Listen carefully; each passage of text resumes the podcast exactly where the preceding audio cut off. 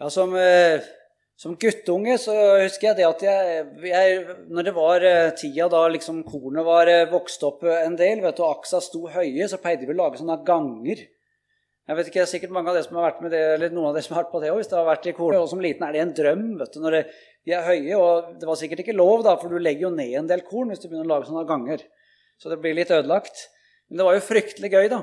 Jeg husker Vi, vi laga sånne formasjoner vet du, og labyrinter og sånn, og, og klatra rundt i det. Og så husker jeg når halmballene også, når de var, Før var det jo ikke sånne med rosa rundt eller hvitt rundt med plastikk, men da var det jo bare reine halmballer firkanter. Det var perfekt å lage hytter. Og jeg husker vi lagde store hytter med disse her eh, der vet du, De kunne jo lage enorme Hvis de bare lå en, en, en sånn stabel, så kunne de jo lage høye vet du, og flere etasjer. Det var jo fantastisk. Um, så var jeg hjemme ei stund nå i Vestfold, for uh, selv om jeg bor på Nærbø, så har jeg ikke noe jeg-dialekt. som det Jeg er fra Vestfold. Uh, og uh, jeg har vært ei stund hjemme. Vi har hatt sånn hjemmeskole. Jeg er jo lærer borte på Tryggheim og, og reist litt som forkynner. da, og og eh, I den perioden så har jeg vært litt hjemme. Og så har jeg gått mye tur. Det har vært fantastisk vær hjemme, så det har vært veldig deilig. Eh, og så gikk meg og pappa en dag eh, sammen. Pappa har jo passert 70 nå, da, så vi gikk litt rundt og hadde en liten tur. Og så kom vi på en vei, og så så jeg det, det lå en sånn en mengde med korn langs med den der stei, altså rett på veien. Og da hadde nok sørt, eh, sørt litt, da, gått litt til spille, for det var mange mange, mange tusen korn som lå liksom ren hele veien. Og da, Det slo litt meg, og det satt jeg og tenkte på når jeg skulle på Lura. Da skal jeg snakke litt om det som det står om såmannen. Men det er rart, ofte så er det sånn, i hvert fall er det sånn i mitt liv når jeg har, skal vitne litt om Jesus, så er det noe man ser, noe man opplever, og noe som minner det, kanskje assosierer om noe. Og så satt jeg og tenkte det at dette her med hvordan tar jeg imot Guds ord? Hvordan har jeg gjort det, eller hvordan gjør jeg det i mitt liv? Og jeg har tenkt mange ganger på hvem er det som tar imot det ordet og gjør det til sitt, og hvem er det som ikke gjør det? Og så har jeg tenkt da spesielt på det spørsmålet hvorfor er det så ulikt? Eh, hvis det er snakk om de store tinga som vi snakker om nå, om evigheten. Vi, kan, eh, vi skal lese fra Lukas 8, og fra vers 4. Vi kan be litt sammen før vi, før vi leser sammen. Ja, kjære Jesus, takk at uh, du allerede har vært der fra starten av møtet. Takk, Jesus, at det er godt å samles igjen. Og så kan det være ulikt. Vi kan kjenne på det.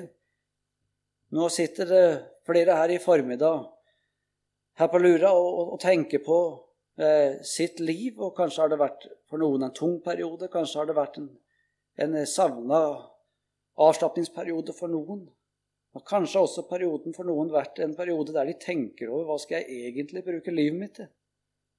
Og eller hva er egentlig viktig for meg? Jeg har fått mye tid til å tenke. De aller fleste, i hvert fall. Jeg ber Jesus om at eh, når vi lytter til ditt ord, at vi må gjøre oss bruk av det, at det måtte falle i god jord. Og vi tok det til oss. Amen. Lukas 8 fra vers 4. Vi skal lese noen vers der. Da står det sånn Da det nå strømmet mye folk sammen, og de dro ut til ham fra landsbyene, sa han eh, i en lignelse. En såmann gikk ut for å så sitt såkorn, og da han hadde sådd, falt noe ved veien. Det ble tråkket ned, og himmelens fugler åt det opp. Noe falt ved steingrunn, og da det vokste opp, visnet det, fordi det ikke hadde hvete. Noe falt midt iblant torner, og tornene vokste opp sammen med det og kvalte det. Men noe falt i god jord. Det vokste opp og bar frukt, hundrefold. Da han hadde sagt dette, ropte han ut, Den som har øre, han hører. Men hans disipler spurte ham hva denne lignelsen skulle bety. Eh, han sa da, Dere er det gitt å kjenne Guds rikes hemmeligheter, men til de andre gis det i lignelser for at de skal se og ikke skjelne, og høre og ikke forstå. Men dette er lignelsen, såkornet er Guds ord. De ved veien er de som hører. Så kommer djevelen og tar ordet bort fra deres hjerte, for at de ikke skal tro og bli frelst. De på steingrunnen er de som tar imot ordet med glede når de hører det, men de har ingen rot. Eh, de tror til én tid, men prøvelsens stund faller de fra. Det som falt blant torner, er de som hører, eh, mens de vandrer fram, og det kveles de av bekymringer og rikdom og livets lyst, så de ikke bærer fullmoden frukt. Men det i den gode jord, det er de som hører ordet, tar vare på det i sitt et vakkert hjerte, et vakkert og godt hjerte, og bærer frukt i utholdenhet. Ingen tenner et lys og skjuler det med et kar eller setter det under en seng. Han setter det i lysestaken for at de som kommer inn, skal se lyset. For ingenting er skjult som ikke skal bli åpenbart, heller ikke er noe gjemt uten at de skal bli kjent og komme for dagen. Se derfor til hvordan dere, hvordan dere hører. For den som har, til ham skal det bli gitt, men den som ikke har, skal bli fratatt selv det han synes å ha. Når eh, disiplene og folkemengden hører, hører denne talen om såkornet, så har de et veldig viktig budskap, eller et veldig viktig bakteppe. Og at det, Disiplene hadde jo hørt dette her, at himlenes rike er nær. Himlenes rike er nær. Snart kommer Jesus igjen. Og han kommer plutselig igjen. Og dette er et viktig bakteppe. For eh, man, jeg tror mange som leser Guds ord, hvis man hører sånn ellers ute i verden, og folk som på langt der er kristne eller er motstandere òg, de kan si det at det er noe å lære også, en sånn lignelse. Altså hva som faller i god jord, og man kan trekke ut mange slutninger. Og mange ting i Bibelen er det mange mennesker som syns har mye gode Det er mye gode leveregler, er det mange som sier.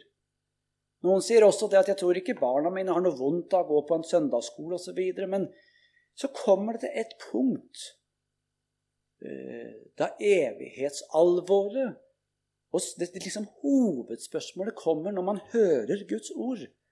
Så blir spørsmålet hva gjør jeg med det? Gjør jeg det til mitt? Tar jeg det inn i hjertet mitt? Eller vil jeg ha det litt på avstand? Jeg husker Som guttunge jeg brukt det noen ganger. jeg husker når, Så hadde jeg et bilde for mamma hadde hengt opp det av en hyrde som hang på veggen rett overfor meg. Jeg tror ikke jeg tenkte så mye på det som gutt. Det var mest fotball og alle andre ting. Men du ble jo litt påvirka likevel. da. Og Så så jeg Jesus som hyrde, og da står han og banker på en, som er liksom et bilde på en hjertedør. Så står han og banker på en tredør. Jeg tror jeg ikke tenkte så veldig mye over det, mye, men det kom til et punkt der jeg plutselig har tenkt på det at Jesus fremdeles står på utsida av døra. Jesus er nær hjertedøra. Nesten inne. Nesten en kristen. Men ikke helt. Han har ikke kommet inn ennå. Og jeg tror nok det at er det én nød jeg har når jeg reiser rundt og forkynner evangeliet og forteller om Jesus, og grunnen til at jeg gjør det, så er det nettopp det at det er så mange Eh, som ikke vil slippe Jesus inn og la det få slå rot, som vi leser om her. Men ordet det får ikke få bety noe for dem. Vi har Jesus på avstand. Det er veldig lett å, sant, å ha en slags gud i livet, litt sånn som et kirkerom. Noen syns det er ærverdig å være der. Men når Jesus kommer og kaller på hjertet og sier 'følg meg', si ja til meg, så er det lett å si ja, jeg skal, mulig det, jeg skal vente litt. Det er ikke det at jeg sier nei, altså, men vi får se litt. Og så var bakteppet når vi leste om her himlenes rike er nær. Snart kommer Jesus. Jeg har på mange måter lengta til å fortelle det når jeg har vært i denne koronasituasjonen nå. Tenk jeg skal ut og fortelle det igjen. At Jesus kommer snart. Ta imot Han som har gjort alt. Han som døde for deg. Han som sto opp fra de døde og sier at han lever. Han som lever, sitter ved Gud Faders høyre hånd akkurat nå i denne stund. Det var noe av det kornet som ble sådd på veien. Vi skal legge merke til det at, at ordet det var sådd allikevel. Selv om det havna på stedet. Man kunne jo tenke det at Gud behøver ikke å sløse bort noe korn på de som ikke vil ta imot allikevel. Det er vel ikke noe vits i at de hører Guds ord. Men det er tydelig at Gud i himmelen han vil gi alle en sjanse. Du skal få en sjanse til å nå himmelen. Og om du sier nei, så vil han forkynne til deg allikevel. Han vil minne deg på at himmelens rike er nær. Han vil så. Og man vet at du har en grunn som du helst vil, ikke vil forholde deg til dette her i det hele tatt. Og så står det om det, om det som havna på veien. Og Det var det jeg så når jeg gikk sammen med pappa, som jeg sa når jeg gikk hjemme nå. Hjemme nå. Men det var liksom sånn det budskapet det slo i meg. Tenk da, at det for så mange, altså tusen av kornene som havna Det blir ikke til nytte. Det er umulig at det spirer der. Og så står det om det som, som eh, falt ved veien. Så står det om det at det var djevelen som tar det.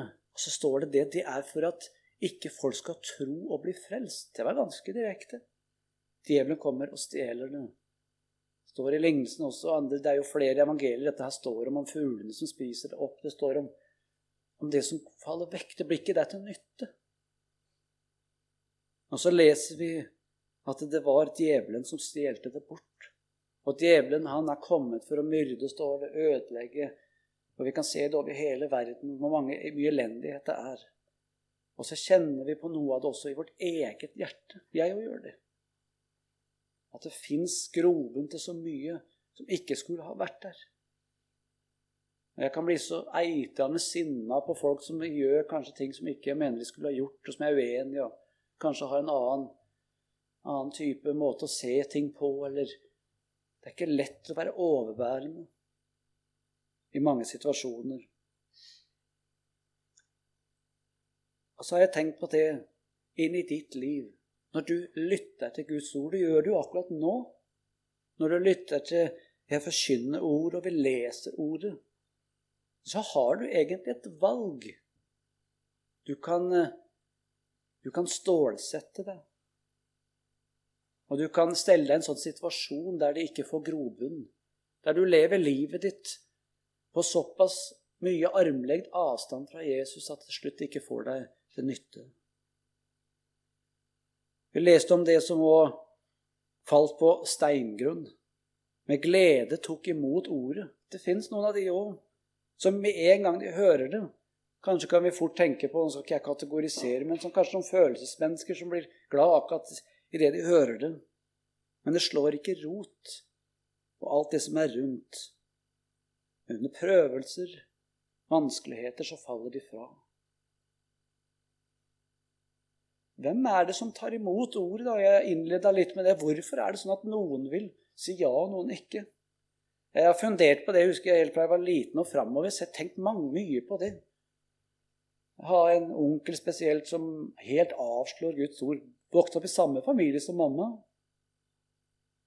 Samme oppvekst. Allikevel så gikk det helt annerledes med han.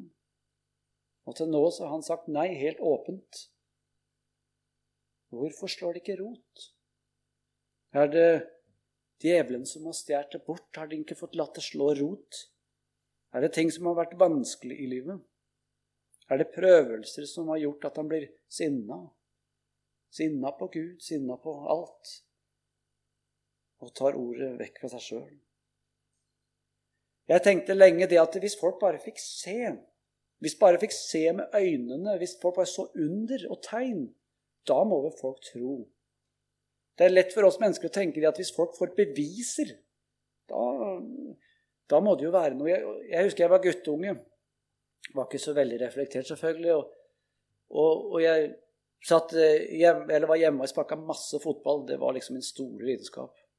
Og jeg hadde sikkert sju-åtte fotballere i hvert fall til enhver tid.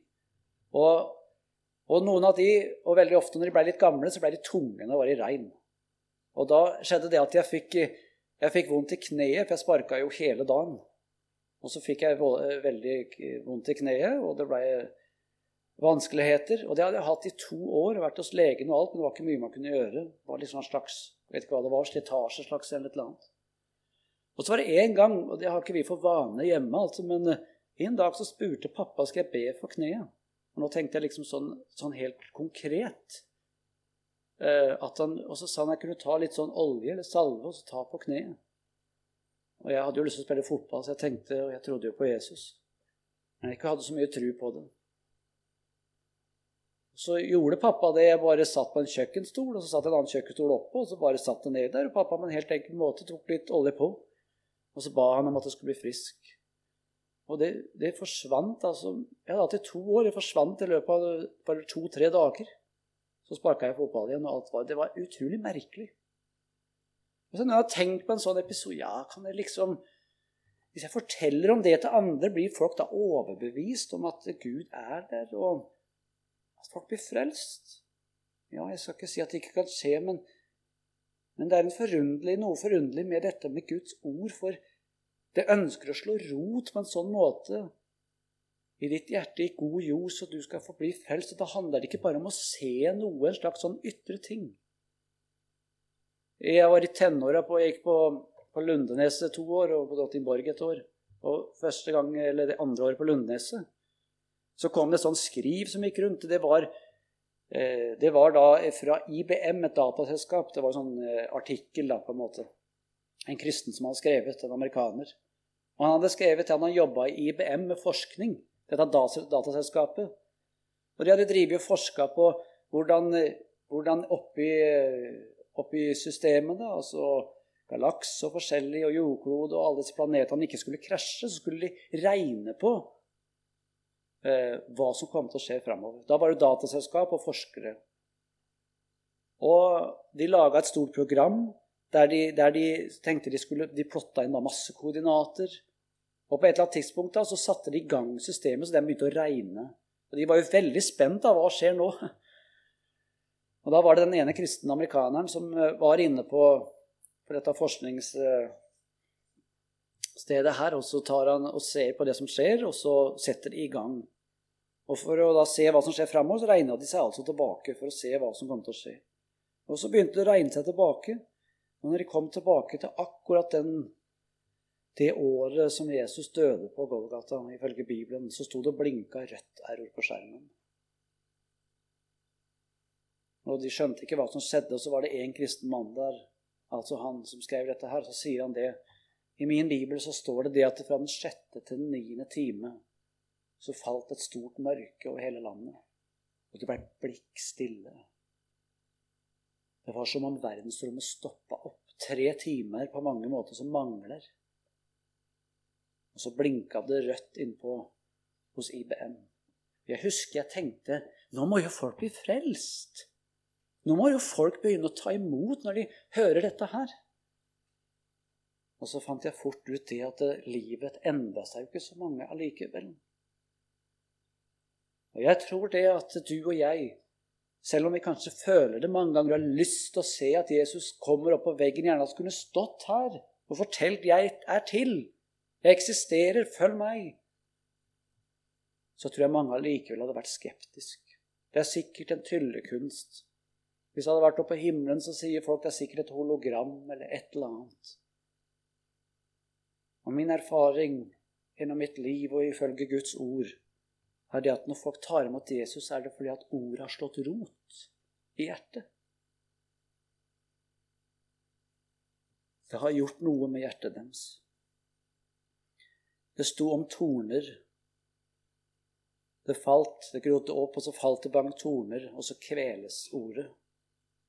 Og Der står det faktisk at det kan handle om, eller ikke bare kan, men Jesus sier det altså sjøl om bekymringer, rikdom og livets lyst det også kan føre oss vekk fra Jesus.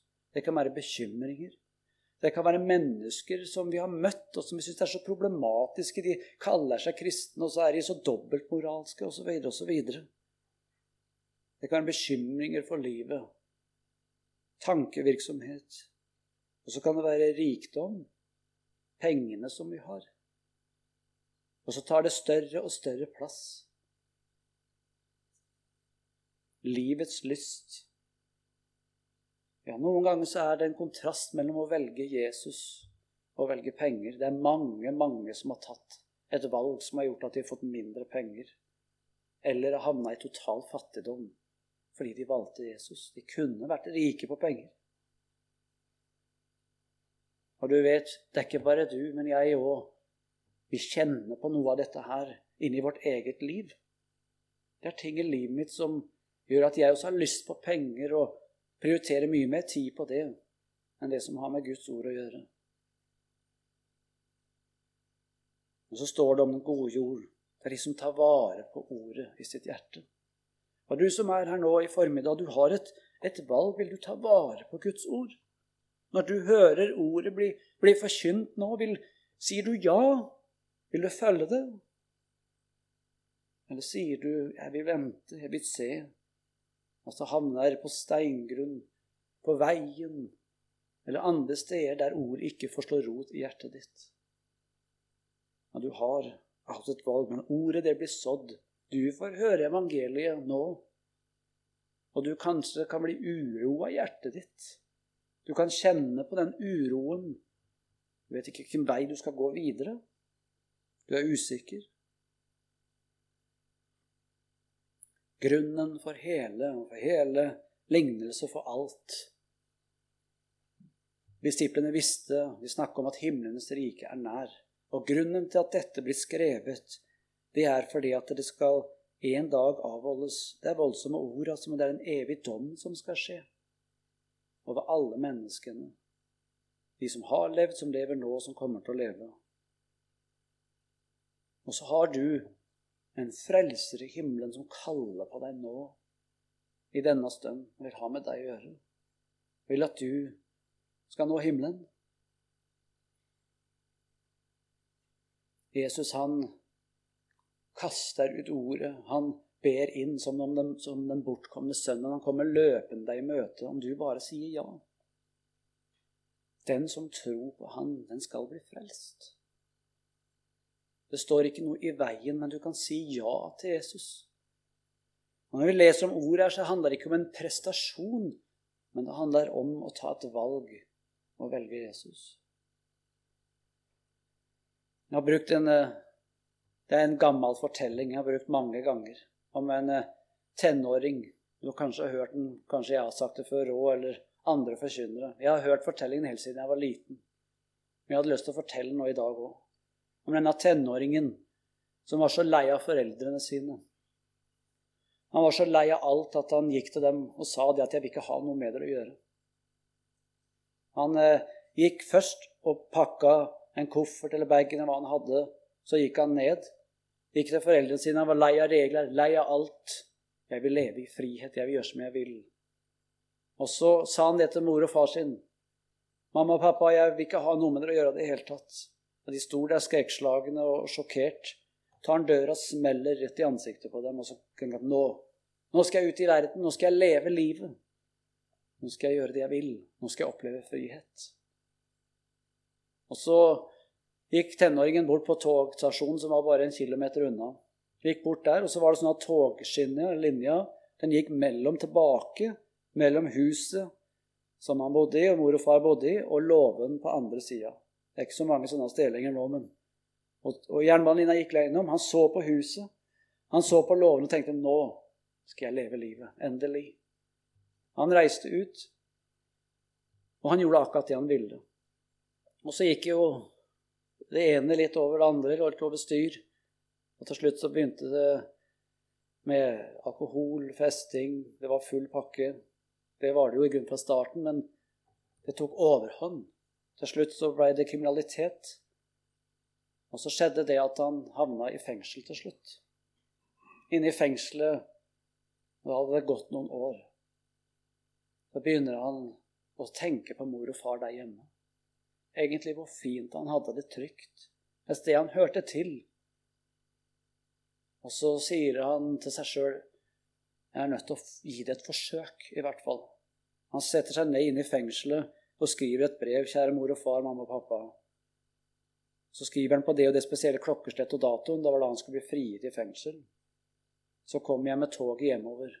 Og hvis dere vil ha noe med meg å gjøre, så må de altså henge opp et lite hvitt lommetørkle i det treet jeg klatra i så mye som, en liten. Så er det et tegn på at dere vil ha meg tilbake. Henge opp det. Og hvis ikke det henger der, så skjønner jeg det godt, og da reiser jeg bare videre. skrev Han sendte brevet av gårde. Dette er mange år siden, så det var ikke så lett å finne ut av alle ting. Og Han satte seg på toget, og toget gikk hjemover. Og når det nærma seg hjemmet til mor og far, så var han så nervøs. Svetta rant, tårene rant, alt det som var. Og så sier han til han ved sida i togkupeen, 'Kan du kikke på meg?' Han fortalte litt om det han hadde skrevet i brevet. Det skal henge et lommetørkle, et helt hvitt, på høyre side av toget når vi kommer snart her nå. Kan du se for meg? Så ser han sjøl, når det nærmer seg ned i gulvet på tåkepenen, og så går toget forbi. Nå vet han, nå er det bare en kilometer igjen til togstasjonen. Han sitter og tenker jeg lurer på om jeg skal av nå. Så reiser han seg opp, og så ser han på han som sitter. Han kjente noe ikke, men han hadde jo lov til å kikke for ham, og så spør han Du, hang det lommetørkle hjemme hos mor og far? Ville de ha noe med meg å gjøre? Da står han og skjelver og venter på svaret. Og så sier denne mannen nei, det hang ikke noe lommetørkle hjemme hos mor og far. Men jeg kan fortelle deg det at det det hang hvite laken over hele tomta. Du var nok mer enn ønsket velkommen hjem. I himmelen nå så sitter en frelser i denne stund. Ser ditt hjerte og ser hva du har gjort med det ordet som har blitt sådd, om du tar imot det. Om du vil ha med Han å gjøre. Og så det, henger minst laken i hele himmelen om det var bare du som levde her nede på jorden. For det var en frelse som ville ha med akkurat deg å gjøre. Hva vil du gjøre når du hører ordet? Ikke la det bli stjålet vekk ifra deg. Ikke la det gå vekk. Ikke la rikdommen få lov å ta plass. Ikke la bekymringene ta plass. Ikke la djevelen få lov å rive det bort. Si 'jeg vil følge Jesus' jeg vil hjem til himmelen. Kjære, gode frelser og far. Takk at du er så god. Takk at du vil at alle skal bli frelst. Takk at du står og kaller. Så ber jeg Jesus om at det måtte bli til nytte for oss, at vi måtte falle i god jord. Og Det handler også om et valg når vi lytter til ditt ord. Ikke stenge deg ute, og at du er på utsida av hjertedøra, men når du banker på, sier Jesus, 'Ja, jeg slipper deg inn'. Og så står du og kaller og roper og drar, som du aldri har gjort før. Du vil at alle skal nå hjem. Det er ikke en følelse å bli frelst. Det er ingen prestasjon å bli frelst. Det er ikke et matematisk stykke. Det er ikke en logisk sans engang. Det er et ja fra en levende frelser som kaller, og som roper. Lær oss, Jesus, å ta vare på ordet i hjertet, så vi en dag kan nå hjem alle sammen.